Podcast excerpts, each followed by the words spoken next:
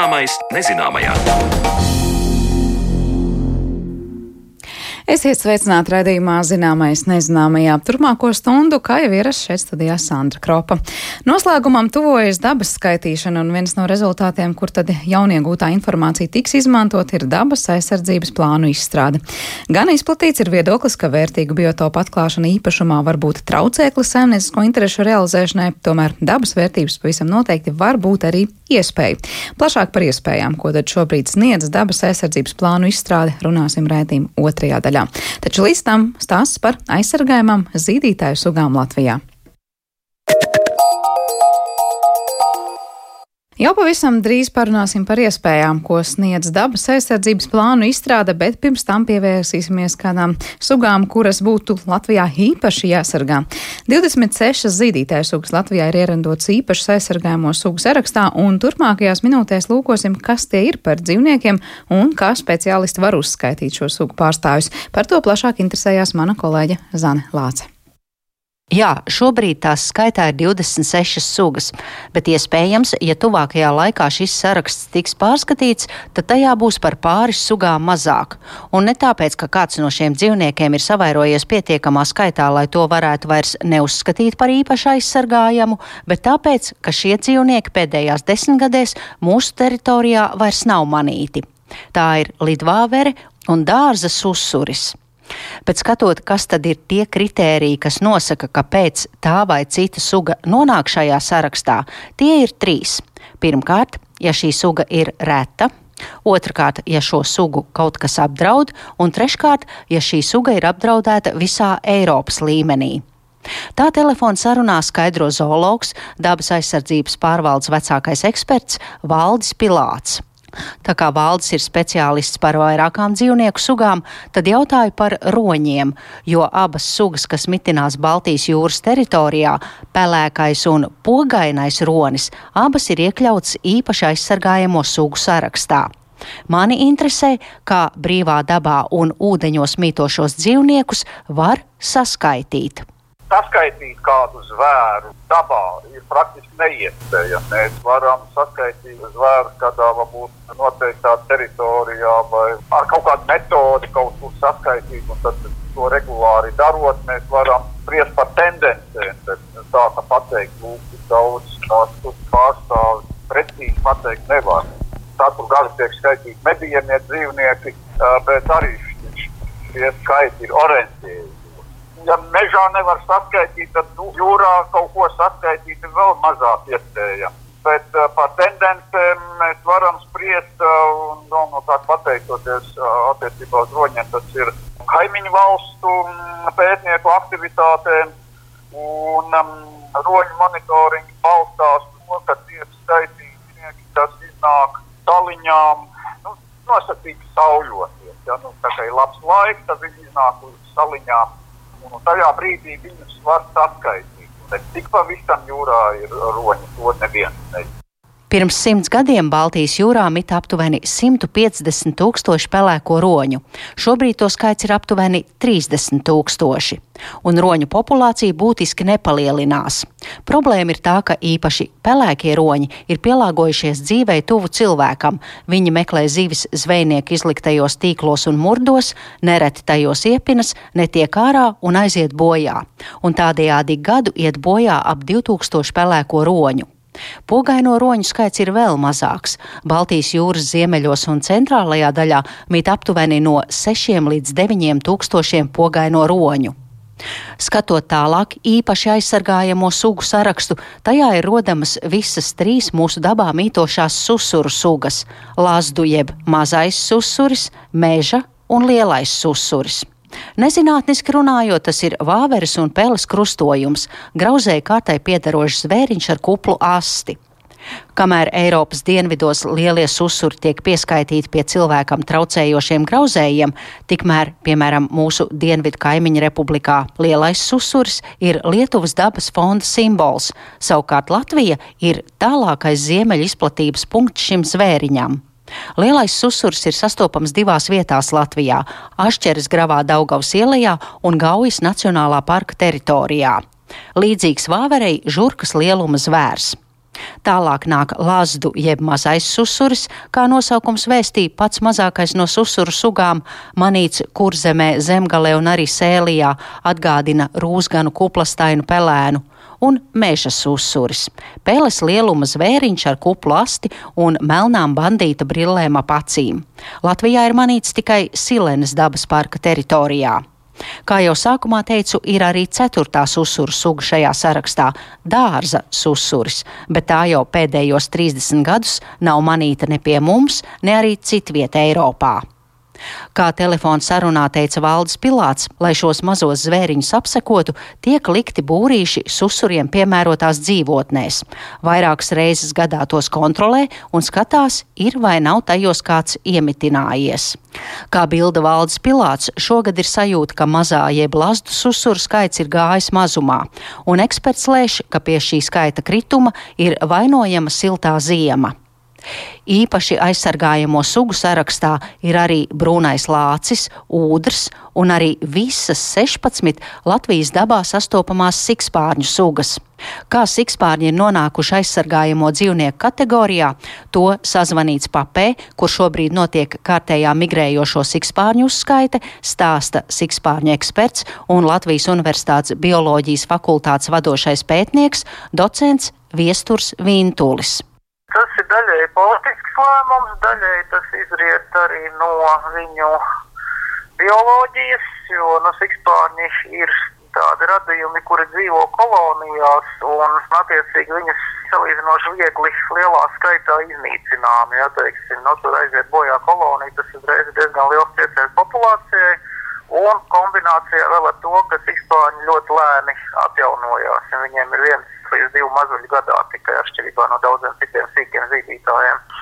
Tas ir viens aspekts. Nu, otrs aspekts, tas ir politiskais aspekts, ka Eiropā arī viss sikspāņu sugas ir aizsargājams. Un, nu, tas Eiropas direktīva, ja nosaka, ka visām sugām ir jābūt aizsargājumam, nu, tad mēs arī no tā izvairīties nekādu nevaram. Citās valstīs ir bijuši daudz un dažādi pētījumi, un, un ir arī bijuši daudzām sugām norādes, ka ir lejupslīdes skaita. Un, un, un, un pie mums Latvijā vienkārši to datu nav tik daudz par to, kā tas skaits ir mainījies, bet nu, fakts ir tāds, jā, ka, ka nu, principā viņi tiek uzskatīti par viegli iznīcināmiem un diezgan apdraudētiem dzīvniekiem visur. Viens no ļoti retajiem un īpaši aizsargājumiem sikspārņiem ir Eiropas platausis. Kā nosaukums liecina, daba šo zvēriņu ir apveltījis ar lielām veidekļa veidīgām ausīm. Par mājvietu tas izvēlas vecas neremontētas ēkas, mūžu pagrabus un lielus vecus nekoptus mūžu parkus.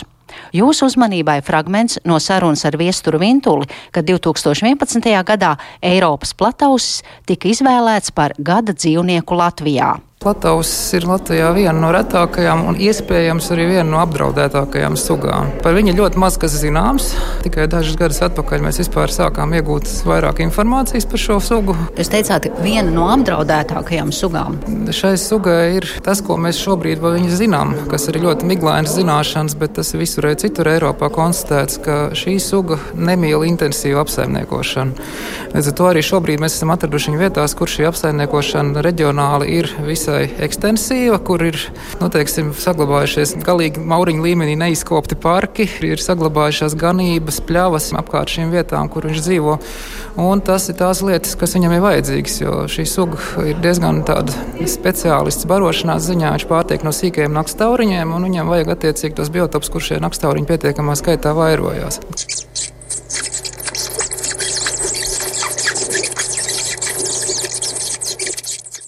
Tā izklausās šis dzīvnieciņš, bet turpinājumā viesturs Vintuls skaidro, kā visas aizsargājamās sikspārņu sugas Latvijā tiek apzinātas un uzskaitītas. Faktiski tādas sistemātiskas uzskaitas ir uzsāktas tikai ar 90. gadu sākumu pie mums. Jāsaka, godīgi, ka arī daudzās citās Eiropas valstīs, ja paskatās, tad tādas sistemātiskas uzskaitas daudzās valstīs arī ir sāktas apmēram ap to pašu laiku. Tas, ko mēs darām, mums ir par ziemojošiem sikspārņiem zinām informācija. Tiesa, gan ziemas laikā mēs uzskaitām tikai nelielu daļu no viņiem, jo mēs nezinām, kur lielākā daļa no viņiem pārziemo. Bet, nu, vismaz regulāri pēc vienas metodikas katru gadu skaitot kopš 92. gada, nu, tad var teikt, ka tām mūsu ziemojošām sugām lielākajai daļai skaits ir vairāk vai mazāk stabils izņemot vienu sugu garausēno sikspārni, kuru ir kā viena no biežākajām Latvijā, bet viņiem nu, pēdējo 20 pāri gadu laikā visu laiku ir tāda stabila skaita lejupslīde. Tā, tā ir viena no tādām, faktiski vienīgā suga, kurai mēs varam teikt, jā, ka viņš tiešām iet uz leju.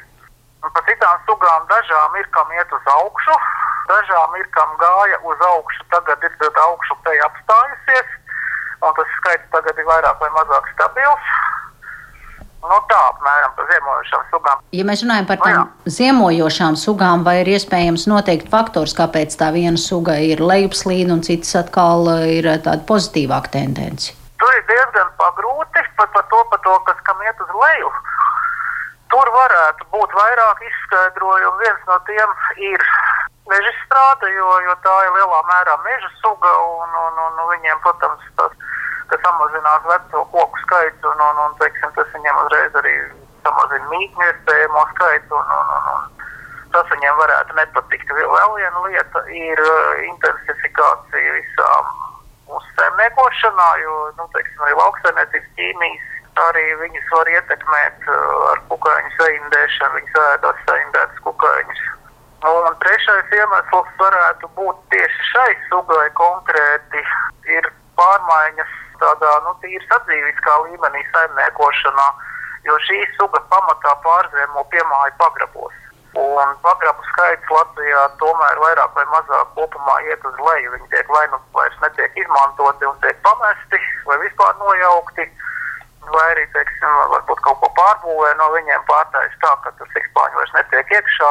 Un līdz ar to, nu, tā tendence, vismaz, ko mēs ziemā novērojam, ja agrāk bija tā, ka bija daudzos pagrabos un pa, pa kādam sikspārnim, tad tagad ir mazāk pagrabos, bet lielākā skaitā tas nozīmē, ka viņiem acīm redzot sāk pietrūkt tās vietas, kur zemot.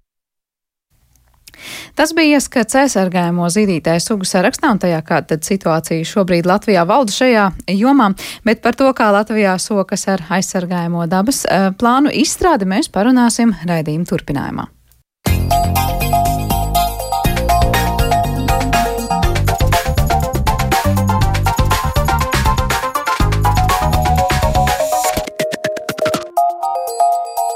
Zināmais nezināmajā. Šobrīd gan privātie, gan pašvaldību un valsts zemju īpašnieki tiek aicināti iesaistīties dabas aizsardzības plānu izstrādē, lai ņemot vērā arī dabas skaitīšanā iegūto informāciju taptu tādas aizsargājumās dabas teritorijas, kur būtu vieta kā dabai, tā cilvēku darbībai. Par to un kāpēc tas notiek, runāsim mēs šodien raidījuma atlikušajā daļā, un tāpēc arī mūsu studijā esam aicinājuši dabas aizsardzības pārvaldes ģenerāldirektoru vietnieci dabas aizsardzības jomā Guntu Gabrānu. Labdien! Labdien! Un dabas skaitīšanas vadītāju Īris Mukānu. Labdien! Labdien! Kāds kopumā šobrīd ir noskaņojums? Es saprotu, ka mēs jau pēdējos gadus, teikt, pa laikam dažādas jūsu kolēģis aicinām ciemos un jautājam, nu, kas jauns dabas skaitīšanā un kā sokas šobrīd, tā kā tas jau ieiet finiša taisnē un ir kaut kādas sajūtas, nu, Latvijā, cik mums daudz vietu, kur noteikti kaut kas ātri ir jāsargā un kur ir vietas, kur viss ir kārtībā. Dabas skaitīšana iet finiša taisnē. taisnē. Šobrīd uh, notiek vēl aktīva biotopa apzināšana. Bet tā turpināsies arī vēl līdz bezsniega periodam, gan meža biotopu grupā, gan puru biotopu grupā, gan alās un atsegumos. Tā kā viss darbs vēl notiek, bet nu, tomēr sajūta kaut kāda jums kā skaitītājiem un tiem, kas varbūt nu, tos datus vairāk vai mazāk ir skatījuši, labi, tie vēl nav apkopoti. Kāda ir tā situācija Latvijā ar to? Cik daudz mums ir to vietu, kur ļoti jādomā par to aizsargājumu, tālāk plānu, reālu ieviešanu dzīvē, un tas, lai tās lietas notiktu? Nu, ir noteikti reāli plāni, ir jāievieš dzīvē. Tās lietas, kas ir uzsāktas, tās ir jāpabeidz tieši kādu apsaimniekošanas pasākumu jomā. Um, es negribētu steigties par priekšu rezultātiem un jau secinājums izdarīt šobrīd, bet uh, es domāju, ka nākošā gadā būs pilnīgāks priekšstats par to, kas mums ir. Uh, Tad varbūt skatīsimies. Kāds jums redzējums un sajūta? Kas mums ir viennozīmīgi skaidrs, jo, protams, šogad vēl ir trešā sezona, vēl ir jāskatās un vēl jāpēta, bet ko esam jau konstatējuši, ka zālāji un pļava biotopi Latvijā iet mazumā. Tas, protams, visi, mums visi jautā, kāpēc un kas ir pēkšņi noticis. Pēkšņi jau nekas nav noticis. Tas ir viss 20 gadu laikā. Jo mainoties arī mūsu cilvēku dzīvesveidam, paražām, ka mēs vairāk dzīvojam pilsētās, paliek mazāk viensētu, paliek mazāk vajadzība pēc pļavām, pēc pļaušanas un ganīšanas. Tā kā mēs jau tagad saprotam un esam saskaitījuši, ka zālē krietni ir gājuši mazumā. Protams, mēs visādos veicos iesakām visiem un veicinām, veicinām tur uzsākt, piemēram, ganīšanas procesus vairāk, vai jērus turēt, vai kaut ko tamlīdzīgu. Ir arī Latvijas dabas fondam, piemēram, mobīlie ganāmpulki, kas tiek vesti no, apkārt, no, Latvijai, apkārt. Latvijai. Jā, tā kā Tā kā ar zālājiem mēs esam mazumā, tad būs jāpievēršās zālājiem. Nu, ja zālā ir tās vienas no kritiskākajām vietām, ja tā var teikt, Latvijā, ja mēs skatāmies biotopu tiešām kvalitātes ziņā un daudzuma ziņā, var teikt, ka šobrīd nu, tās vietas, kuras ir jāsargā zālāju ziņā, nu, tur ir dabas aizsardzības plāni kārtībā, tur viss notiek un viss ir skaidrs, vai mums ir jāveido tur tikai šie dokumenti un jāveido tikai tas redzējums, kā saskaņot tās dažādās intereses dažādās teritorijās. Nu, manā skatījumā šķiet, lai tie zālē nebūtu tik sadrumstaloti, ir jāsaprot, kur ir šie sugu izplatība koridori. Tas būs jau tālāk, kad šie dati visi būs apkopot kopā, lai saprastu, jā, nu, kuri tad zālē ir tie ilgspējīgākie iespējams nākotnē ar lielākām platībām, un nu, tiem būtu noteikti jāpievērš lielāka uzmanība. Hm, tas šobrīd vēl nav mums tāds skaidrs iezīmēts koridors. Nē, nē, nē, nē. nē, tieši uz zālēm tāda plāna nav vēl izstrādāta. Mm. Kas ir tas, kas šobrīd top? Es saprotu, ka arī sabiedriskās apspriešanas te jau notiek, vai drīz notiks par to, lai cilvēki varētu arī nu, izteikt to, kādas ir tās um, vēlmes, redzējumi un iespējas dažādās teritorijās. Nu, jā, līdz ar dabas skaitīšanu ir uzsākusies arī 25 dabas aizsardzības plānu izstrāde jau esošām dabas teritorijām Latvijā.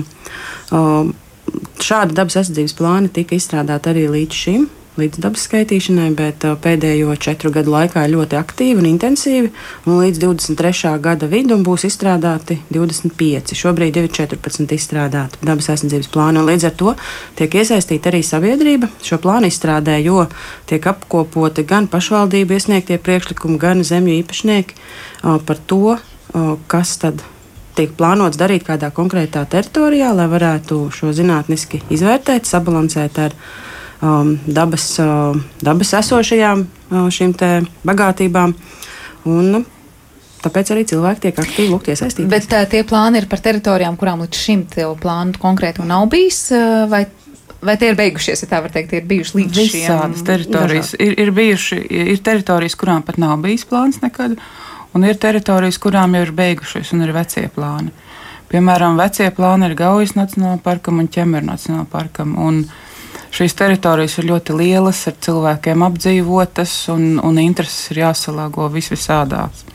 Kuras, domās. kuras ir tās grūtākās tādā ziņā teritorijas, nu, kur to interesu daudzums ir tas lielākais? Jā, nu, jebkura teritorija ir tāda interesanta, jo vienmēr var, izra, var izveidoties kaut kāda unikāla situācija. Bet nu, šobrīd mums, piemēram, Gaujas Nacionālā parka plāns šķiet eh, ļoti grūts, interesants un tāds uzsācies process, jo Gaujas Nacionālais parks ir arī ļoti liela teritorija ar daudz apdzīvotām vietām. Zemju īpašnieki ir daudz, ir arī vairākas pašvaldības Gaujas Nacionālajā parkā. Un eh, sameklēt un saprast, kā aizsargāt īsti dabas vērtības un attīstīt arī, piemēram, turismu, vietējiem iedzīvotājiem labākus dzīves apstākļus tas ir diezgan tāds sarunu ilgs process, jo dabas aizsardzības plāna būtība ir veikt šīs teritorijas kopīgu attīstību, saglabājot dabas vērtības. Dabas aizsardzības plāns nav tāds vienkāršs dokuments, kur rakstīts, visu sargāsim un neko no, neļausim. No, neko neļausim jā. Dabas aizsardzības plānā ir vairākas sadaļas. Pirmkārt, jau vienkārši fizioloģiskais, geogrāfiskais novietojums, augsnes pētījums, klimats, nu, visādas tādas sadaļas. Un tad arī biotopu kārtējums tiek sīkāk skatīts. Un, protams, arī tiek lūgts vietējo iedzīvotāju zemes īpašnieku viedoklis, kā viņi attīstīsies, ko viņi vēlētos mainīt, vai papildināt, vai kaut kādas turisma aktivitātes veikt. Tiek jautāts arī pašvaldībām, kā pašvaldības saredz savu teritorijas attīstību, jo tas, kas ir iekļauts dabas aizsardzības plānā, arī tiek iekļauts teritorija attīstību plānos. Respektīvi, tā ir vairāku pakāpju plānošanas stadija. Bet kā ir, cik aktīvi šobrīd ir tie cilvēki, vai arī cik viņiem ir skaidrs pašiem redzējums, ko viņi grib no tām teritorijām? Jā, šobrīd tā praksa ir tāda, ka uh, uzsākot katru dabas aizsardzības plānu, zemes īpašnieks tiek informēts ar vēstuļu palīdzību par to, ka um, šāds plāns uzsākās un lūdzam jūs iesaistīties plāna izstrādē.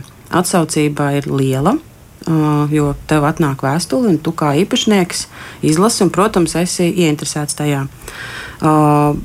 Jā, intereses ir ļoti dažādas, un to līdzsvarošana arī ir ne tik vienkāršs process, jo atšķirībā varbūt no tiem iepriekšējiem plāniem, kas tika izstrādāti līdz 2015. gadam, tad šobrīd tiek vairāk arī kompleksi vērtēti tādi aspekti kā, kā zālājs, piemēram, kā dzīvotne īpaši aizsargājumām sugām. Un, jā, kā plūdus mazinošā ietekme tieši zālājiem. Un šajos lielajā, lielajās teritorijās, kas ir ķemēra Nacionālais parks, Lubāna, Mitrājas un Gaujas Nacionālais parks, īpaši tiek pievērsta uzmanība arī šim hidroloģiskajam režīmam, jeb melorācijas sistēmām vecajām, kas ir, jo tās ļoti būtiski ietekmē īpaši, īpašumus.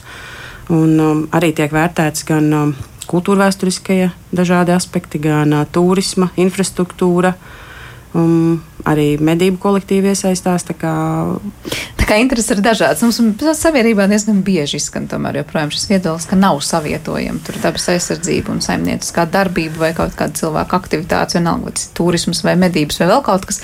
Kā jūs parasti atbildāt uz šiem jautājumiem, kāds ir tas redzējums, kur ir tā kaut kāda kompromisa vadlīnija? Kur ir iespējams savienot? Jāteic, ka tur, kur mums ir teritorijām, piemēram, neitrālās zonas vai dabas parka zonas, eh, Tanīs zonās uh, ir ļoti viegli sameklēt kompromisu, jo nav nekādu burtisku aizliegumu. Bet, piemēram, Gaujas Nacionālajā parkā mums ir arī dabas rezervāta zona, kur tiešām prevalēs, un tā ir arī nu, lemts nākotnē, ka būs tikai un vienīgi dabas aizsardzības intereses. Nu, un, protams, tās ir ļoti skaistas vietas, klusas un uh, interesantas, tīri vērot un tādas emocionāli atvesaļojošas vietas, kur, protams, cilvēki vēlas ierasties krietni lielākā skaitā, krustot, staigāt šķērsām un atpakaļ. Bet, tā kā nu, tādās zonās, kas ir uh, rezervāta zonas, tur tiešām būs dabas aizsardzības mērķi pirmie. Bet, kas, protams, ir ļoti interesanti ar cilvēkiem un gribētos arī mierināt, ir cilvēki, kas saņēmuši vēstuli ar informāciju, ka tiek uzsākts dabas aizsardzības plāns. Un tad cilvēkam jau radās trauksmes sajūta, tā, un mani, mani neviens nav uzaicinājis, un es neko nezinu. Un man taču kaut kas tuliņ tiks nodarīts. Tā kā jāsaka, ka tā vēstule ir tikai par procesu uzsākšanos. Ka plānu vēl strādās, būs arī sabiedriskās apspriedes, visi teksti un redakcijas arī būs iespēj, iespējams iepazīties mājaslapā. Tā kā viss tiek ievietots arī internetā, un to var paralēli lasīt un uzdot arī jautājumus izstrādātājiem. Tā kā nevajag no šīs pirmās vēstules arī krist ķībonī. Un... Varbūt to, ko cilvēks savukārt atkal nākamo soli padomā, ah, nu labi, gan jau, ka dabas intereses būs vienmēr augstākas par tām viņa saimnieciskajām interesēm, un ka viņam nav nemaz liela jēga tur kaut ko teikt un iebilst. Kā ir ar šo aspektu? Nu, noteikti vajadzētu dot uh, zināt par tā, tiem saviem tā, nākotnes, tuvākās desmitgades plāniem. Jo tā ir tā iespēja, kad uh, ir iespēja piesaistīt šos zinātniekus, kas var izpētīt, paskaidrot un nu, nu kopīgi izlemt, jā, kas ir labi, kas nē. O, viens piemērs bija tieši no. Aizmirsu, kurā plāna izstrādē, bet, bet īpašnieks bija ļoti ieinteresēts motortrases izbūvē. Un, uh, viņš saprata, ka viņam ir aizsargājums zālē biotops. Un Mums bija vienkārši priekšlikums, jums šī teritorija, kas pieder ļoti liela, varbūt tajā otrā pļavā, kur nav šis zālāja biotops. Ak, jā, tiešām tur es varu šo motoru trasi ierīkot. Nu, reizēm tie risinājumi pavisam vienkārši, bet varbūt mēs kaut kā ieciklojamies un paskatāmies no vienas skatu punkta. Jo, Neredzam, ka blakus ir lielā iespēja. Jā, jā ka blakus ir lielā iespēja. Kādas ir cilvēkiem tās lielās vēl iespējas, un tajā brīdī, ja viņam ir atklāts tas īpaši aizsargājamais biotops, tai viņa teritorijā, vienalga tas ir zālais vai kas cits. Nu, kā jūs teikt, kur tam cilvēkam, ja viņš tiešām raugās no savām cilvēku interesēm? Mēs tieši nesen debatējām par turismu un apmeklētājiem Gaujas Nacionālajā parkā. Jo ir, katram ir sava, sava doma un sava ideja. Jo, piemēram, viens īpašnieks grib tikai un vienīgi pieciest tos nabaga gājējus, kas skatās. Tad mēs vienkārši varam rast kompromisu. Ja jūs vēlaties, ja īpašnieks grib tikai pieciest, lai viņam nu, tiešām nenāk sētā, netraucē, tad ieplānot, piemēram, dabas taku vai infrastruktūru stingri tālu gar viņa robežu, vairāk pa pašvaldības vai valsts zemi, pa mūsu zemēm. Savukārt ir īpašnieks, kurš saka, nē, bet es tieši gribu, lai viņi man visi nāk, jo es ādu zeķis, es viņiem došu zeķis pārdošu, vai kafejnīcu atvēršu, vai kaut ko tādu tas tiešām ir katra īpašnieka viedoklis un katra īpašnieka vēlme darboties. Jo varbūt mums tiešām ir cilvēki, kuri vēlas vairāk klusumu un nekādus svešiniekus, un ir cilvēki, kas tiešām jau šī saredz biznesa iespēju. Bet ja, brīdī, ja, ja cilvēks tajā teritorijā negrib novērst turismu, to perspektīvu, attīstīt to teritoriju, ir šobrīd Latvijā tā, ka cilvēkam ir izdevīgi, ka viņam ir tur aizsargājums biotops viņa teritorijā. Vai tas ir izdevīgi? Tas ir kā mēs skatāmies. Ja mēs skatāmies no ekosistēma pakalpojumu viedokļa, tad uh, jebkuram cilvēkam ir izdevīgi, ka viņam ir uh, ļoti augstvērtīgs zālājs, jo tā jau ir viņa aptieka. Viņš var aiziet savākt sev tējas zāles, visu iespējamo. Ja cilvēkam ir, piemēram, dīķis, viņš tur veic, nezinu, vai no audzē zīvis, vai peldās, vai kaut kādā veidā veic savas rekreācijas funkcijas. No tāda viedokļa mēs skatāmies, jā, izdevīgi tas ir. Jo tad vairs cilvēkam nav jāmaksā par uh, došanos uz blakus teritorijām vai kaut ko tamlīdzīgu. Ja mēs skatāmies tieši, cik cilvēkam ienāk kontā nauda, tad nē, tad es nezinu, vai tas ir izdevīgi.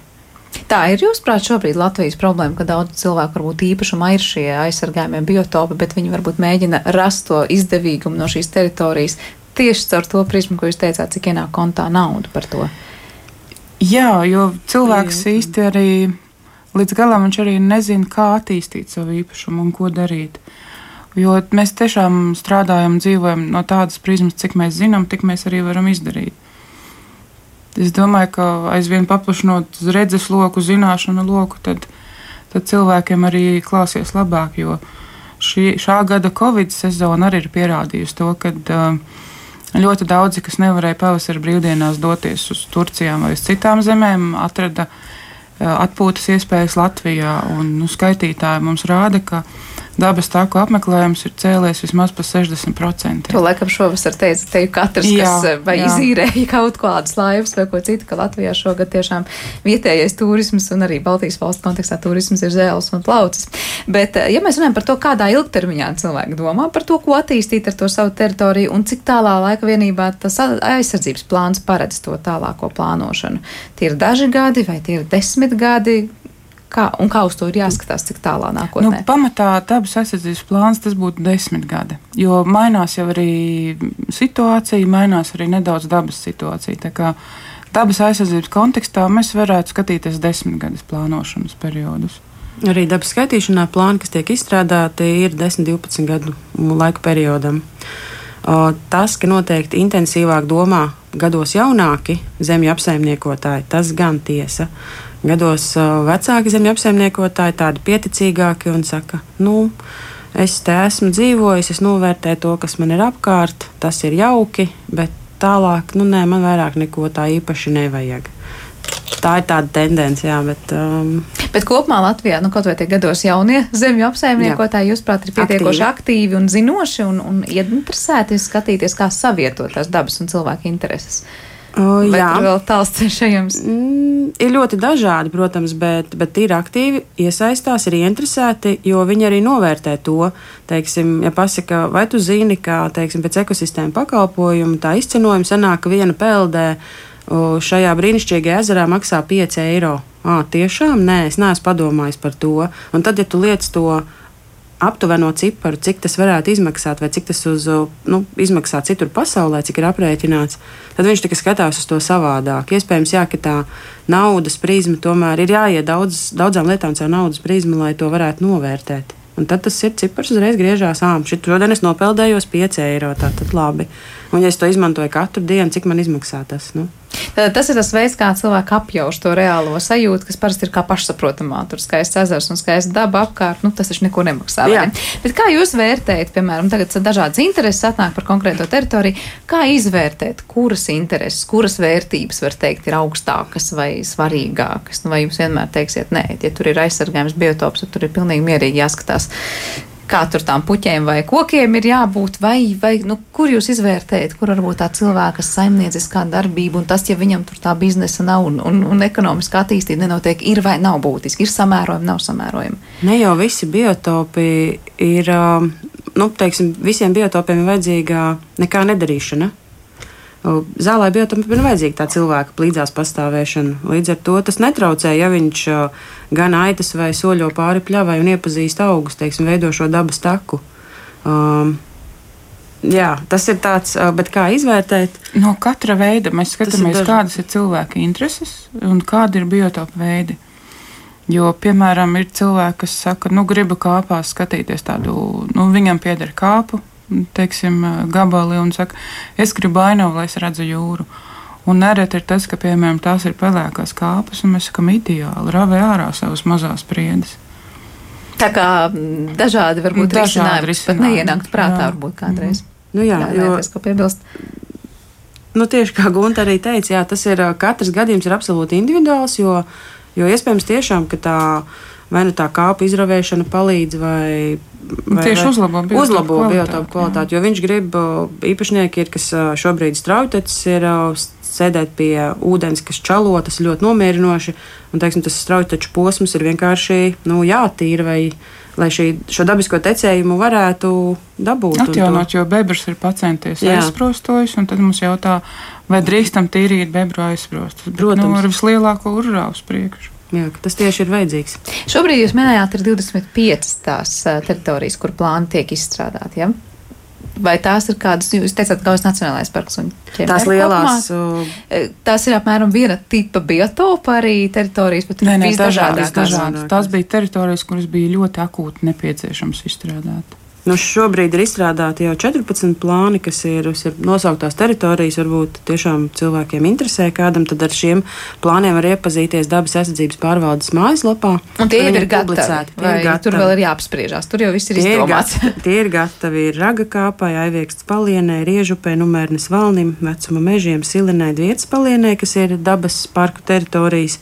Tad ir dabas liegumi Dūņezers, Vidzemes akmeņēnā jūrmala, Sventā upes ieleja, Diļu pļavas meža mežola, Ventes un Šķerveļa ieleja un aizsargājuma ainava apvidus Nīcgalas meži. Bet šobrīd tās lielākās teritorijas, kurām plāni vēl top vai ir uzsākušies, tikko ir Lubāna Mitrāja teritorija, Gaujas Nacionālais parks, Ķemer Nacionālais parks un Augšdaugava aizsargājuma ainava apvidus.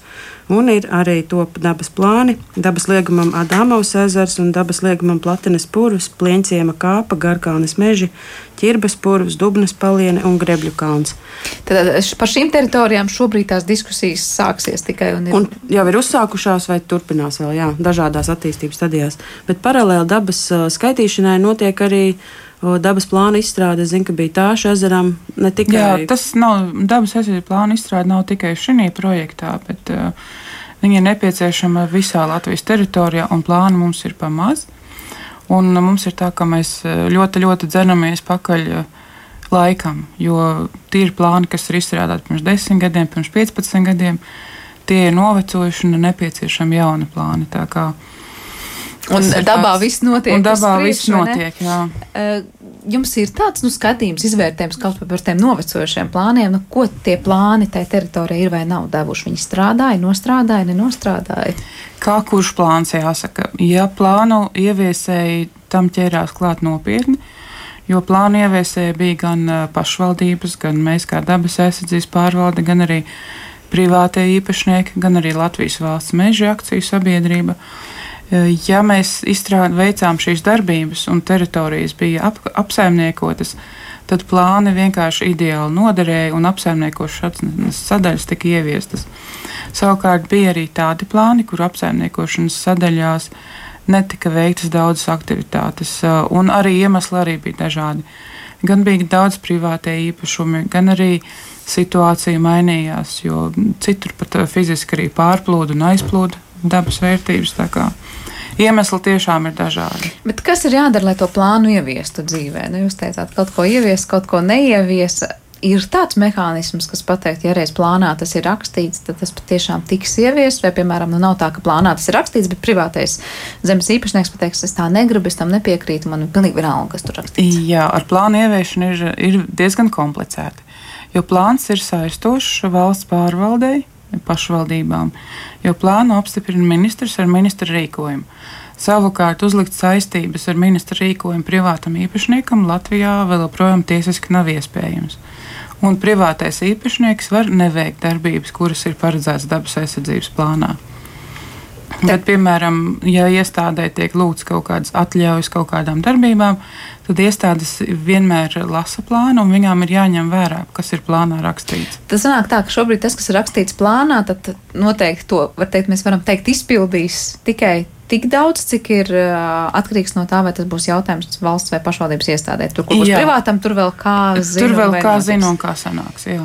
Bet pašvaldībām tas ir. Uh nu, ļoti saistoši, jo šī ir iespēja iegūt kādu papildus finansējumu, vai, teiksim, ja ir ielikts kādas konkrētas aktivitātes novada attīstībai, nu, kas visbiežāk ir šie turismu maršruti, gala mērķi vai plānojums, jā, tad tā ir jau budžeta plānošana arī nu, tuvākajai nākotnē par to. Kā tas kā veiksies, un tieši tā budžeta sadale un investīcija konkrēti piesaista vai kādu citu uh, finanšu resursi, ja tas ir izplānots un ielikts plānā, tad viņiem ir iespējas īstenot šo, piesaistot varbūt jā, kādu citu projektu finansējumu. Bet jūs redzat, nu, kas ir tā labākā recepte, lai tomēr nu, tiktu līdz tiem privātiem zemes īpašniekiem un viņiem varētu būt saistoši izpildīt to, kas tajā plānā ir redzams. Jo no vienas puses es pārņemu sajūtu, mm -hmm. arī jums, ka nu, izstrādājat kaut ko, kas, kas būs realizējums tā, nu, varbūt pa pusē, bet varbūt, ja paveiksies pa īstam, nu, jo viss ir atkarīgs no tā, ko cilvēki par to teiks. Ja īpašnieki ir iesnieguši idejas uh, konkrēti savām, nu, teiksim, tā virzība visbiežāk ir, ja man ir iniciatīva, tad es arī to cenšos paveikt līdz līdz galam īpašnieks ir iesniedzis ideju, tad ar viņu tiek slēgta vienošanās par to, ka, ka tas tiek ielikts plānā un ka es piekrītu tam, ka es šo arī tālāk turpināšu un veikšu. Tas plāna izstrādes procesā. Tas ir tad, ja viņš pats ir ar savu iniciatīvu nācis klajā, bet ja viņš nav nācis ar savu iniciatīvu, tad ir, viņš varētu būt tas pasīvais. Ir arī, bet ir mums arī daudz tādu gadījumu, kad, piemēram, gara īpašuma robeža iet um, dabas taka. Un gala, gala mērķis, protams, ir ezers, kur cilvēki dodas vai nu peldēties, vai makšķerēt. Īpašniekam vienkārši tas gabals ir kā klāt pieguļošs. Tad mēs esam runājuši ar īpašniekiem, vienojušies, piemēram, ka mēs veicam, piemēram, attīrīšanas darbības, savācam visus atkritumus un vispārējo. Savukārt īpašnieks jau tad jūtās kaut novērtēts un atbalstīts. Tad viņš arī veids pļaušanu un pasūta savas pļavas pļaušanu. Ir dažādas sadarbības formas bijušas.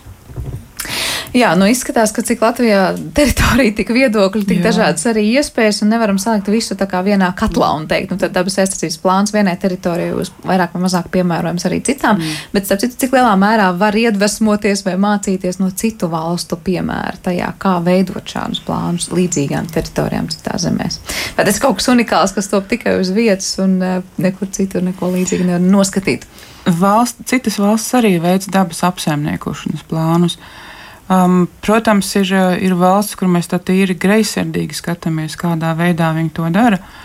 Uh, kaut vai Beļģija veids, piemēram, ieliek, ieliek dabas aizsardzības plānā nepieciešamās aktivitātes, informē pašvaldību, un tad jau pašvaldība meklē īpašumiem un īpašniekiem apsaimniekošanas finansējumu. Tā kā, nu, tas ir tāds eh, ļoti ideāls mērķis tam visam. Bet, protams, mums ir jāsaprot, ka Beļģija ir valsts, kur šīs teritorijas nedrīkst jau tā teikt, bet nu, viņas nav tik dabas, dabas augstvērtīgas, ka viņiem ir svarīgs katrs, ļoti, ļoti svarīgs katrs hektārs. Kā ir ar mums? Jūs piesaucat bieži tos turistus un, un to dabas, kā saka, vērt, izdzīvošanu tuvumā. Vai Latvijā nav tā, ka mēs uz daudzām vietām sakām, nu tad tur būs liela aktivitāte vai attīstība vērsta turismu virzienā, bet reāli to cilvēku, kas nāk uz tām vietām, būs salīdzinoši maz. Protams, tam zemes īpašniekam būtu interesi to turismu attīstīt.